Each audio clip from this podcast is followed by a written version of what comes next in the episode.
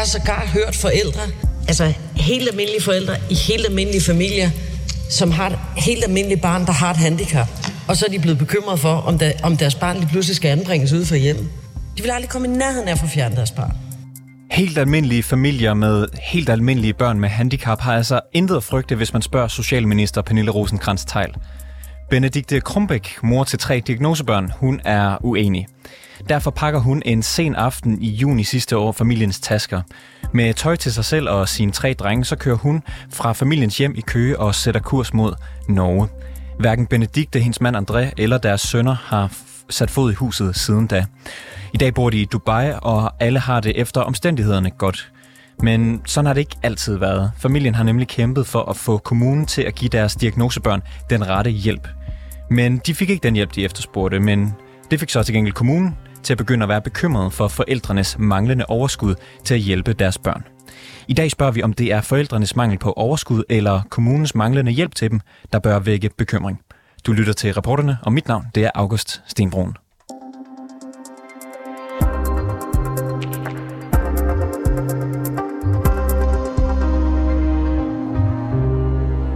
Familien kom på kommunens radar, da de selv kontakter Køge Kommune i starten af 2020. Dengang arbejdede Benedikte som sygeplejerske og Andreas som manager i en større virksomhed. Det var en travl hverdag, og de kunne se, at deres to ældste sønner ikke trives i skolen.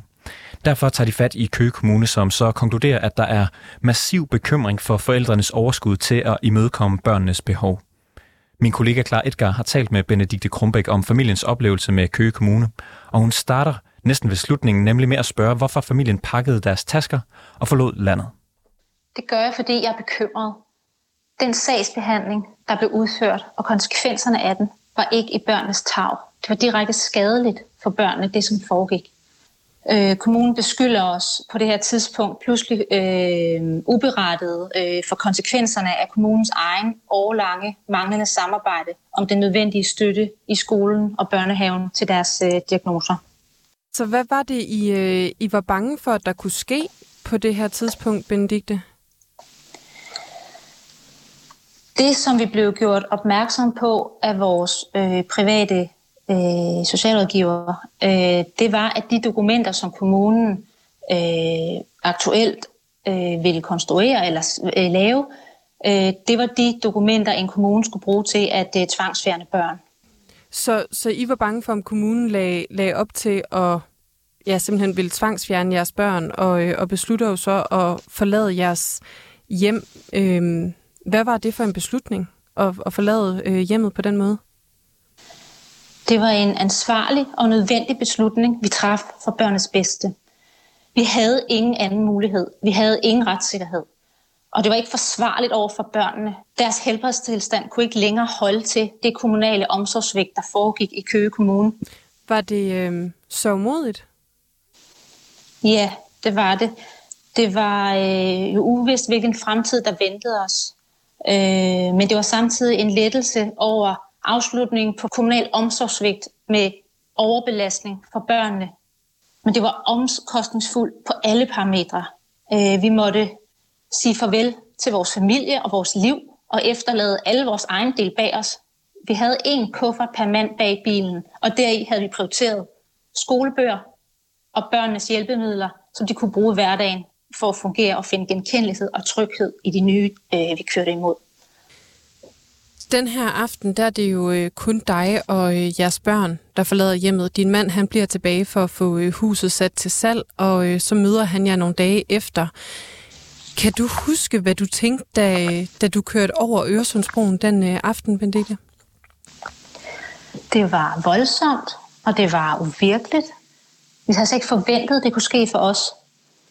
Vores tillid til retssamfundet blev brudt, og det føltes både utrygt og grænseoverskridende. Det her burde ikke kunne ske. Det kørte bare igen og igen i mit hoved.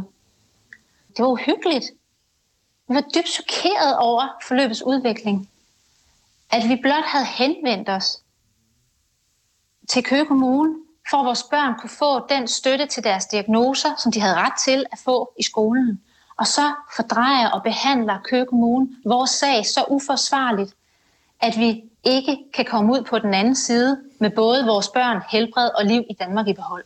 Og du har nævnt øh, børnenes mistrivsel et par gange her, Bendite. Hvis vi lige spoler tiden tilbage, så øh, henvender I jer jo øh, selv til Køge Kommune i, øh, i 2020, netop fordi I oplever, at øh, to af jeres tre sønner ikke øh, trives i deres skole. Øh, inden da, der har I forsøgt at få skolen til at sætte ind med, med mere støtte, men, men uden held. Øh, hvordan er det, I ser, at øh, drengene mistrives på, øh, på det her tidspunkt tilbage i 2020? Børn udvikler alvorlige belastningsreaktioner øh, af overbelastning i skoletiden, fordi de ikke modtager den støtte, de behøver kvæg deres diagnoser. Børnene udtrykker verbalt deres behov for hjælp til at kunne klare skoledagen. Og fra at være velfungerende børn, når deres øh, diagnoser blev mødt behovsvarende øh, hjemmefra, jamen så var de nu øh, maksimalt funktionsnedsat, og, kunne ikke, og vi kunne ikke genkende vores børn længere og de fik søvnbesvær kastet op. De har ingen livskvalitet, og de ønsker reelt pludselig ikke at leve længere. Fordi der stadig ikke etableres støtte i skolen, så er belastningerne i skoletiden pågående, og det resulterer i, at belastningsreaktionerne tiltager yderligere, indtil børnene en dag kollapser og ender i psykiatrisk skadestue. Du bliver øh, berørt nu, Benedikte. Hvad er det, der, øh, der rammer dig? Ja, det gør jeg, fordi at som forældre er det voldsomt at se på, hvordan at ens børn hver dag bliver syre og syre igennem systemet, selvom vi forældre gør alt det rigtige. Det kan man ikke holde til at se på. Og det her, øh, du nævner, at, at børnene simpelthen begynder at give udtryk for, at det ikke er særlig sjovt at leve? Altså er det simpelthen noget, de, de siger til jer forældre? Ja, det er det. Mm. Det er det, når de bryder sammen, øh, når de kommer hjem efter skole, og de bryder sammen og falder om på gulvet. Ja. Mm. Så hvad er, det, hvad er det, I håber at få ud af det, øh, da I henvender jer til, øh, til kommunen i, i 2020? Da skolelederen ikke opfylder sit sektoransvar, så tager vi det nødvendige skridt og henvender os, som vi er forpligtet til, til Køge Kommune. Vi sender en direkte henvendelse, hvor vi tydeligt giver udtryk for vores forventning om, at kommunen samarbejder med os forældre om at sikre den nødvendige støtte i skolen, der svarer til vores børns diagnoser og behov. Hvad var det for, øh, for noget støtte, øh, I kunne forestille jer? Altså har du nogen bud på, hvad, hvad det var, øh, drengene havde brug for på det her tidspunkt? Den ene havde behov for et specialtilbud, den anden havde behov for øh, små, men afgørende individualiserede særlige vilkår for at kunne opnå lige mulighed for at kunne klare skoledagen som de uden diagnoser.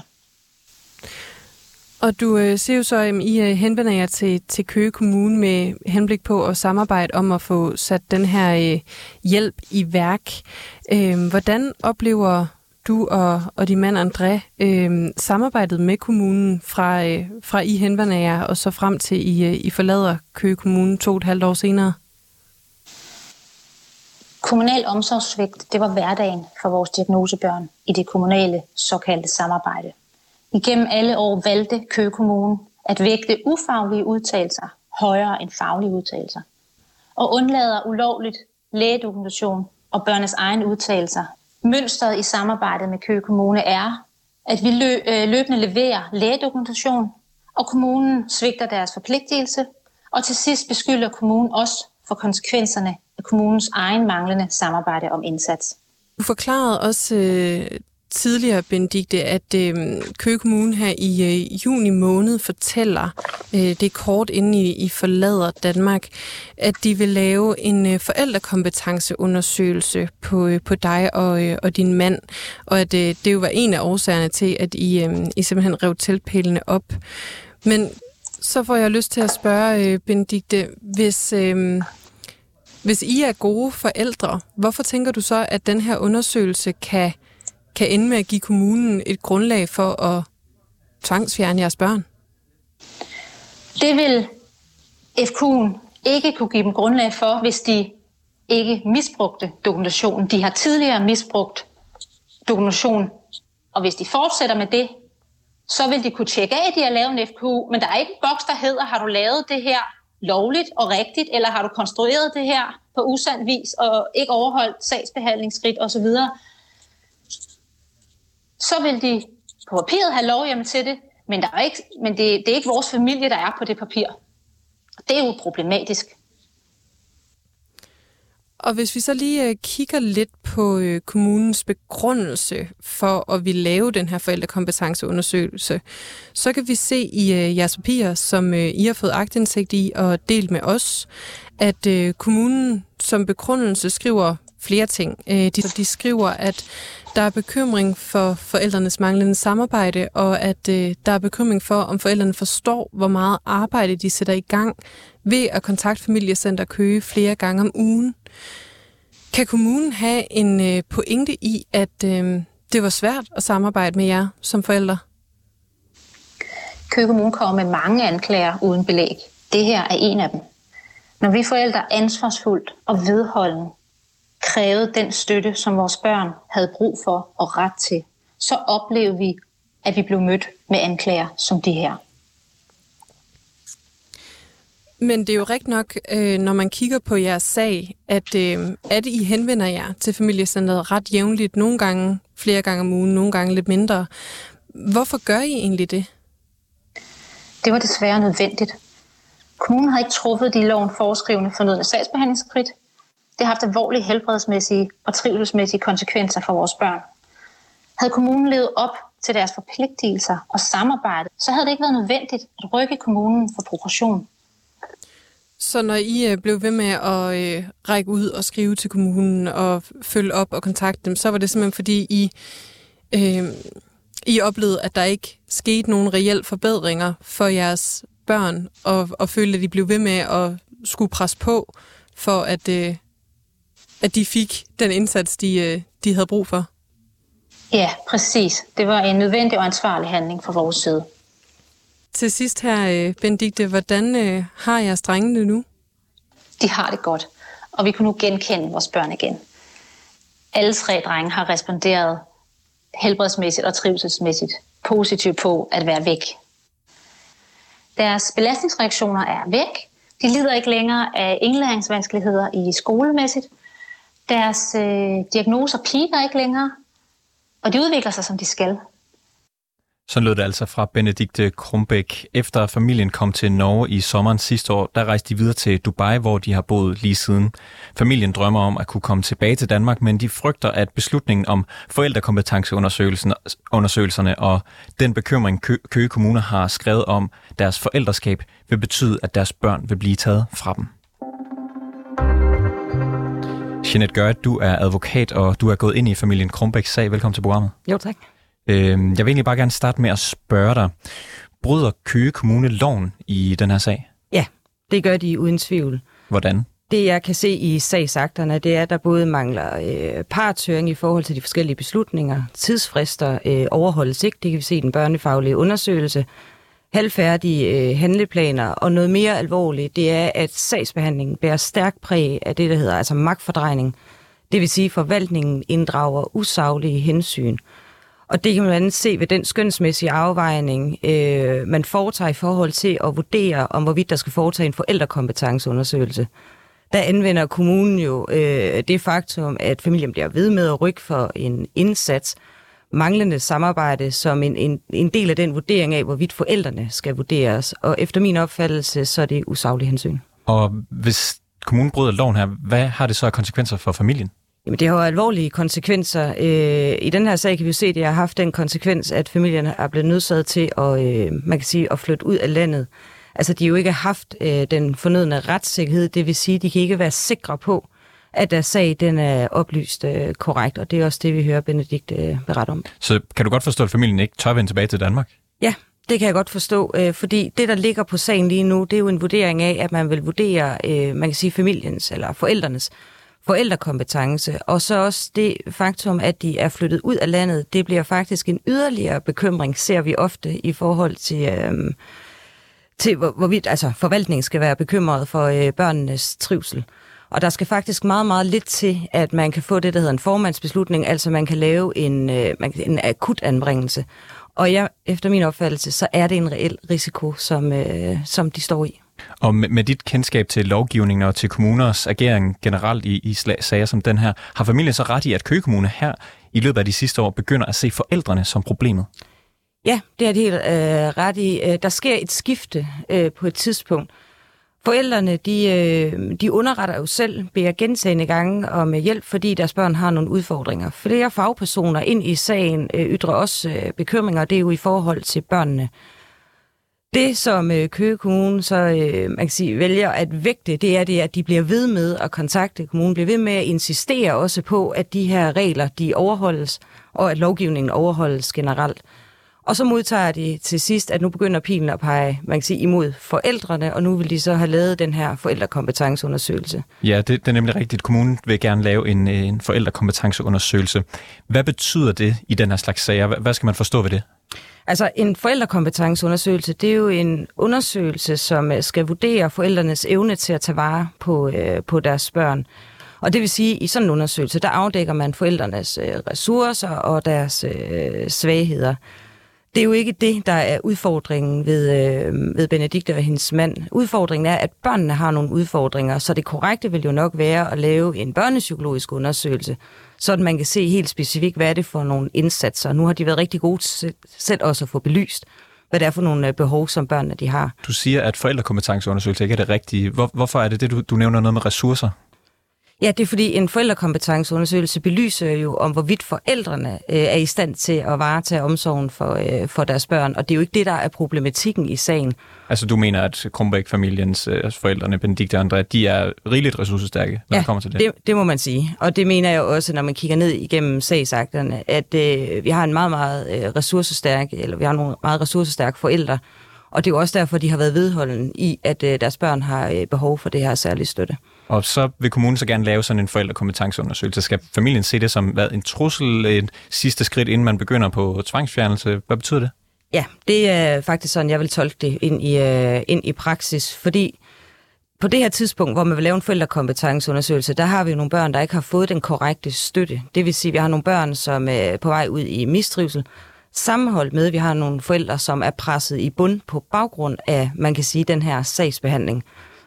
Og så får man jo, kommer de så igennem en psykologisk undersøgelse. Og der er jo flere faktorer, der øh, man, man kan sige, der, der ligesom gør sig gældende. Det ene det er, at det tager jo tid at lave sådan en undersøgelse. Kan børnene overhovedet vente på, at der bliver foretaget sådan en undersøgelse? Og det andet er, at den belyser jo sådan set ikke børnenes behov. Den belyser jo sådan set bare om, hvorvidt forældrene de er, øh, er egnet. For nylig der blev der jo øh, Folketinget stemt igennem øh, det, der hedder Barnets Lov, som blandt andet har til hensigt at hjælpe børn og unge i udsatte positioner. Der er også nogen, der mener, at den skal har, har til hensigt at tvangsfjerne flere børn, og vi hørte tidligere et klip med, med Pernille rosenkrantz der siger, at hvad kan man sige, almindelige forældre med børn med almindelige handicap har ikke noget at frygte, men hvordan kan barnets lov påvirke familier som Krumbæk-familien? Det kan den. Altså med barns lov, der fjerner man faktisk nogle af de her øh, proceskrav. Det vil sige, så bliver det i højere grad op til socialrådgiverens skøn i forhold til, øh, man kan sige, i forhold til de her øh, vurderinger. Vi kan faktisk se den her sag som et rigtig godt eksempel på, hvad der sker, når det er sådan, at proceskrav ikke bliver overholdt, øh, eller vi ikke har nogen proceskrav. Så havner vi jo netop i en situation, der er så katastrofal som øh, denne her. Så man skal frygte for sin, man bekymrer for sin retssikkerhed. Er det sådan noget? Ja, absolut. Øh, den her sag er jo et godt eksempel på, at, at der ikke er retssikkerhed inden for området. Og det man jo så gør med barns lov, der fjerner man det sådan helt, så nu bliver det sådan helt legalt i forhold til nogle af de her, øh, at man ligesom skal springe nogle af de her sagsbehandlingsskridt over. Jeanette Gørt, øh, advokat for familien Krumbæk, tak fordi du var med i programmet i dag. Det var slet.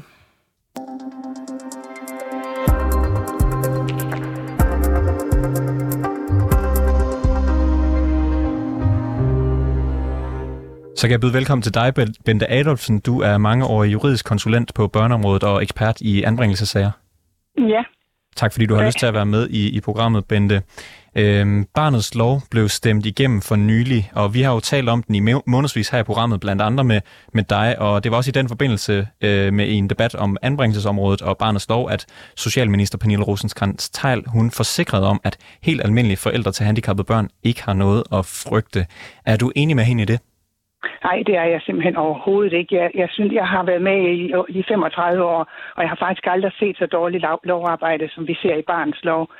Øh, ja, ja, der er sådan en generel mangel på retssikkerhed, men, men der er en, en rigtig væsentlig pointe, øh, som, øh, som ikke ret mange har, fået, har opdaget, og det er, at man netop starter med en screening, hvor man ligesom kigger, hvad for et problem kunne der være her. Og som advokaten lige har sagt før, så hvis man først ligesom lægger sig fast på et, et, et, et problem, og så ikke, hvad skal man sige, kigger lidt, lidt mere rundt og siger, kunne det, kunne det have andre årsager, det vi ser her, eller kunne der være andre elementer, vi skal kigge på, så kommer man meget hurtigt frem til at, at, at finde en løsning, der måske overhovedet ikke er hverken til, til barnets bedste eller Øh, savligt relevant på nogen anden måde. Så, så nej, jeg er meget, meget bekymret for den lov. Ja, og grunden til, at vi nævner barnets lov, er jo, fordi vi lige taler om familien Krumbæks historie, og som ja. Jeanette Gørt uh, fortalte lige før, så kan det være lidt en, en forsmag på, hvad der i hvert fald kan kan risikere at ske for nogen. Og lad os lige dykke lidt ned i, i Krumbæk-sagen. Kommunen, ja. Køge Kommune her skriver flere ting, der samlet giver anledning til, det skriver de selv, massiv bekymring for forældrenes overskud til at imødekomme deres børn, og som altså øh, begrunder behovet for at få lavet den her forældrekompetenceundersøgelse. Øh, de skriver også, øh, der er bekymring for, om forældrene forstår, hvor meget arbejde de sætter i gang ved at kontakte familiecenter Køge flere gange om ugen. Hvad tænker du om, om den udtalelse fra kommunen? Jamen, jeg synes, jeg synes faktisk, det er deprimerende, at en kommune kan finde på at sige sådan noget. Fordi altså, hvis man synes, at folk er lidt træls, og klienterne er lidt træls, så skal man jo holde det for sig selv og så være professionel. Og hvis familien er træls øh, i, i øh, kommunens opfattelse og bliver ved med at kontakte kommunen, så kunne det jo være, at de skulle prøve at finde ud af i kommunen, hvordan er det så, vi kom, kommer til at, få et ordentligt samarbejde og kommunikere. Det er en familie, som er ude i tårne, og det er, er kommunen jo en væsentlig øh, del af. Øh, jeg mener faktisk, hvis vi siger kommunen her, så starter det jo med nogle svigt øh, i skoleområdet, og, og, og børnene bliver ikke ordentligt undersøgt og udredt. Og det vil sige, at en familie bliver, øh, hvad skal man sige, udtrættet af hele tiden ikke at få løst noget som helst, og så måske også blive set lidt skævt til, og når de så får sådan en bemærkning, så kan jeg da godt forstå, at de bliver noget bekymret for, øh, taler vi overhovedet om det samme her. Jeg synes, det er yderst øh, øh problematisk og meget lidt professionelt at så hvis, jeg for, ting. så hvis jeg forstår dig ret, Ben Adolfsen, så er det ikke legitimt at bruge det her med, at de spørger om hjælp ofte til ligesom at sige, at de er dårlige forældre? Nej, nej, det er det for det første slet ikke, men det er heller ikke legitimt at, at, at, at kritisere borgerne for, at de henvender sig. Så er det kommunens opgave at finde ud af, hvordan får jeg så, altså hvad, hvorfor henvender de sig hele tiden? Kunne vi gøre noget sådan, at vi får en eller anden løsning på det og sige, øh, vi er i gang med det her, det vil tage så og så lang tid, og, og, og vi kontakter jer. Altså, der er jo noget galt, når man, øh, og, og det er jo desperate forældre, og det kan man jo godt forstå, og vi skal altså huske, at det er altså også øh, en, en øh, skoleforvaltning, der ikke har levet op til det, de skulle, og en kommune, social kommune, der, der måske begynder lidt halvhjertet at finde ud af, hvad de skal gøre. Øh, så, men, men når det så er sagt, så producerer man jo problemer, og at det så ender med, at, at man måske vil kigge på et samspil i familien. Øh, man kan altid diskutere, hvad for nogle typer af undersøgelser skal der sættes i gang. Jeg mener, hvis der skal kigges på familien, så er det jo ikke forældrekompetencen som sådan, så er det jo samspillet mellem forældrene og børnene i et, et løsningsfokuseret, øh, men løsningsfokuseret vinkel, kunne vi bidrage til, at de her forældre måske får nogen, noget hjælp til at håndtere børnene. Børnene er jo også udtrættet. Så jeg synes altså, der er, det virker som om, at der er enorme svigt i kommunen, som man så forsøger at tørre af på familien. Det lyder som om, at du, at du øh, hvad kan man sige, mangler lidt øh, måske noget politisk indblanding, og hvad kan man sige, politikerne har jo gjort noget for nylig. De har indført den her barnets lov. Hvordan vil den påvirke forældrenes retssikkerhed?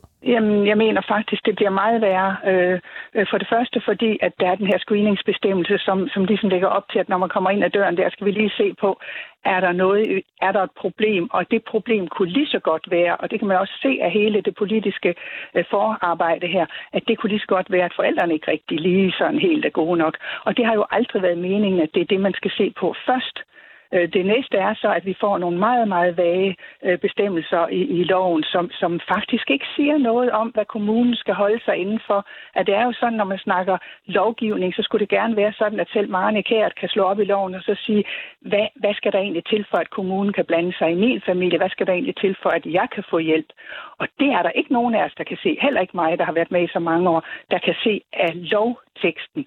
Når man så går ned i forarbejderne, som jo er på over 1000 sider, så, så, så falder der lidt mere på plads, og det tyder så på, at man har egentlig ment, at det skal være stort set samme kriterier, som vi kender i den nugældende lov. Men det dur ikke, at vi har så upræcis en lov, og jeg synes, det tjener fem partier til ære, at de stemte imod den, på trods af, af trusler om at blive smidt ud af, af fællesskabet. Jeg synes virkelig, det er en meget, meget problematisk og manglende demokratisk proces, der har været omkring barnets lov. Bente Adolfsen, vi vender lige et øjeblik tilbage til familien Krumbæks sag. Vi har jo nemlig spurgt Køge Kommune, øh, om de havde lyst til at stille op til interview i dag. Det har de ikke ønsket, men til gengæld Nej. så har familiechef i Køge Kommune, Lone Nygaard Jensen, sendt et skriftligt svar, som jeg lige vil læse op. Det er lidt langt, så hæng lige på.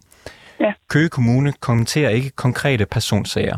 Ikke mindst i sager, hvor der er børn involveret, har vi en særlig forpligtelse til ikke at redegøre for disse i pressen. Familiecentrets ansvar er til enhver tid at varetage barnets tag. Det betyder i mange tilfælde, at der kan være brug for at kigge hele vejen rundt. Også på forældrenes muligheder for at hjælpe børnene bedst muligt med de udfordringer, der måtte være.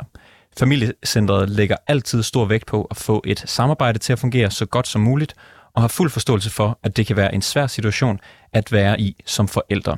Bente Adolfsen, med, med dit kendskab til sagen her og til sager i, i øvrigt, lever kommunen så op til deres ansvar om at varetage barnets tag, som de selv gerne vil? Nå, men det er jo altid den der mærkelige sondring, der er mellem, om, og som om, at barnets tag det er noget andet end, end, end barnet i familien. Altså, hvis forældrene fungerer og får ordentlig hjælp, så får barnet alt andet lige også øh, bedre muligheder for at klare sig. Så det er noget vås at stille det op, som om det er en modsætning. Men, men jeg vil så sige, at havde de haft den indstilling, som der bliver givet udtryk for her fra starten, så kan det jo også godt være, at det ikke var blevet så, så problematisk, fordi det er jo ikke helt det, der bliver sagt, når de bliver bedt for at vide, at de er irriterende, når de henvender sig. Det er jo ikke helt det, der, der bliver sagt her. Og i øvrigt, så kan jeg ikke helt forstå, når kommuner altid siger, at vi diskuterer ikke enkeltsager, det er barnets tag og sådan noget. Nu er enkeltsagen jo altså ude at blive diskuteret, så kunne det jo godt være, at de kunne nuancere den ved at komme med nogle bud øh, så, så jeg synes, det er sådan lidt, lidt altså det er sådan en, en øh, sådan overordnet betragtning, som ingen jo kan være uenig i. Det, ben, hun, Bente Adolfsen, vi, vi hører ligesom dig og, og Jeanette Gørt, advokaten, begge to øh, kompetente personer, hvad angår det her. I stiller jer fuldkommen på bagbenene over kommunens beslutning i, i den her sag. Hvilken interesse har kommunen? Altså, de handler vel ikke bare i, i, i ondtro. Hvilken interesse har de i at øh, lave de her undersøgelser og nærmest tro med at fjerne børnene? Jamen, det, det, det tror jeg faktisk ikke rigtigt, de har nogen øh, egentlig. Altså, hvis man spurgte dem, så vil de sige, at det har vi ingen interesse i.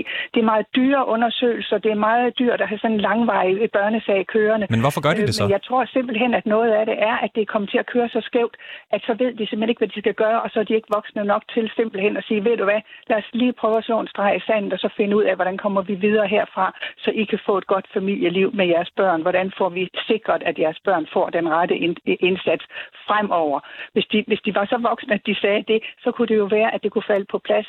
Jeg kan ikke sige nemt, fordi det kommer det ikke til efter så lang tid. Bente Adolfsen, men, men, øh, mange år juridisk konsulent. Jeg vil nødt ja. til at korte dig af her. Vi har ikke mere ja. tid, men tusind tak, fordi du har, har lyst tak. til Yes, hej hej. hej hej. Familien øh, Krumbæk har øh, tre diagnosebørn med flere forskellige diagnoser, blandt andet autisme. Og så kan jeg byde velkommen til dig, Brian Andersen. Du er formand for Landsforeningen for Autisme. Velkommen til. Jo, tak. Jeg er formand for Autismeforeningen. Autismeforeningen. Jeg beklager øh, øh, fejlen. Socialminister Pernille rosenkrantz teil fra Socialdemokratiet, hun mener, at helt almindelige forældre til børn med handicap ikke har grund til at være bekymret for, at kommunen kan finde på at tvangsfjerne deres børn. Køber du den? Øh, jeg håber, hun taler sandt, og jeg håber også, at kommunen lytter, lytter efter, men øh, det er ikke det billede, jeg kan se, der er lige nu. Så Hvorfor? nej, den køber jeg ikke. Hvorfor ikke det? Øh, men øh, jeg køber den ikke, fordi det, øh, jeg har selvfølgelig ikke øh, voldsom evidens på det her, men, men de borgere eller medlemmer, som jeg bliver kontaktet af, der kan jeg fornemme, at øh, bare det, at en af forældrene har en diagnose, det kan få nogle kommuner til at kigge på en anbringelse. Og det synes jeg er helt forkert. Det bør være, det bør være barnets tag, som vi nu har talt om tidligere her, eller familiens tag, hvis man skal kigge på det. Der er, er en vurdering. Og jeg står ikke og siger, at, øh, at der ikke er nogen børn, der ikke skal anbringes. Men det skal være de rigtige børn, der anbringes. Og det må ikke være et argument at anbringe et barn, fordi en af forældrene har en diagnose. Brian Andersen, jeg ved, at du har bedt om historier fra forældre til, til børn med autisme, om hvordan de oplever mødet med kommunen. Hvad er det, de fortæller? Altså, jeg får rigtig mange historier om øh, fra forældre, hvor at børnene øh, begynder at mistrives i skolen og øh, får ufrivillig skole for at være. Øh, og så begynder øh, systemet og kigge på, hvordan kan vi øh, få barnet tilbage i skolen. Øh, I de rammer, som barnet ikke øh, fungerer i. Øh, man kigger som lidt populært sagt ud af vinduet, i stedet for at kigge i spejlet. Øh, og hvis ikke man kan finde fejlen hos barnet, så begynder man at kigge på, om kan der så være fejl øh, hjemme i familien. Man kigger egentlig ikke på, om det måske kunne være skolen, der var noget galt med. Og det gør, at øh, forældrene bliver mere og mere presset i det her, for det, det bliver et langstrakt øh, forløb. Så, så du ser øh, simpelthen, at der er en tendens til, at kommunerne de kigger mere på familien, på forældrene, på barnets problemer, og ikke øh, holder øje med, om der skulle være problemer for eksempel i de offentlige tilbud, hos skoler, hos institutioner. Det er, det er min oplevelse med de henvendelser, jeg får, ja. Hvorfor tror du, kommunen Øh, og- og øh, som jeg kigger den vej? Som jeg også, som jeg også. Jamen altså, mit hovedargument, det er, at det er manglende viden. Øh, Det er klart, hvis man har 10 sager med, med børn, der ikke der mistrives, fordi der, der er problemer i hjemmet, og der så kommer et 11. barn, som måske har, har en autisme-diagnose, så kan det godt være, at man bare smider barnet over i den kasse. Øh, Men der er bare forskel. Øhm, og, og det er det, jeg angriber her. Øhm, kig nu lige på, hvad er det, der gør, at det her barn mistrives. Og lad være med hele tiden bare at tro, at det har noget med hjemmet at gøre. Så, øh, så du siger, at, øh, at de, de mangler viden. Er de, er de ikke kompetente nok til for eksempel at tage vare på, på børn med, øh, med autisme? Øh, det er ikke min oplevelse, nej. Og jeg forventer heller ikke, at øh, alle skoler og alle sagsbehandlere og alle socialrådgivere har forstand på autisme. Men så må man også prøve at se, at man ikke kan ringe til en ven øh, og, og få den viden. I stedet for bare at sige, at ja, men, øh, jeg ved bedst. Øh, jeg hører forældre, der direkte bliver troet eller med intimeringer af, at hvis ikke de makker ret, jamen, så ligger der jo også en anbringelse. Det er et enormt psykisk pres at lægge oven på forældre, der i forvejen kæmper en hård kamp for at hjælpe deres børn. Jeg kender ikke, så jeg tror ikke, jeg har mødt nogen forældre, der ikke vil kæmpe med næb og klør for at hjælpe deres børn. Det er jo ikke forældre, der vil være irriterende over for kommunen. De kæmper simpelthen bare en kamp for, at deres børn kan komme i de rigtige rammer. Det, øh, det kan jeg ikke se noget forkert i. Brian Andersen, det giver mig lyst til at vende tilbage til barnets lov. Vi har vendt et, et par gange. Ny lov, der er blevet øh, indført på blandt andet anbringelsesområdet. Øh, den blev stemt igennem i, i sidste uge, tror jeg det var. Tror du, at den kommer til at forværre det her problem? Øh, Jeg kan være alvorligt bange for, at, øh, at vi får endnu flere anbringelser af børn, der ikke burde være anbragt. Jeg, jeg hørte lige lidt med før, da Bente udtalte sig, og jeg er meget, meget enig i det, hun siger. Øh, jeg, hvis ikke, at man får bibragt den rette viden, særligt om autisme i den her, for mit vedkommende, øh, så kan jeg være bekymret for, at der er endnu flere forkerte anbringelser. Brian Andersen, formand for Øh, Det virker for Autismeforeningen. mig som om, at Tak fordi du var med i programmet. Jeg beklager. Ja. Tak fordi du var med i programmet. Velkommen. Hej hej. Tak. Hej. Det var alt for reporterne i denne omgang. Tak fordi du lyttede med. Bag historien her var Clara Edgar. Mille Ørsted er redaktør, og mit navn det er August Stenbrun.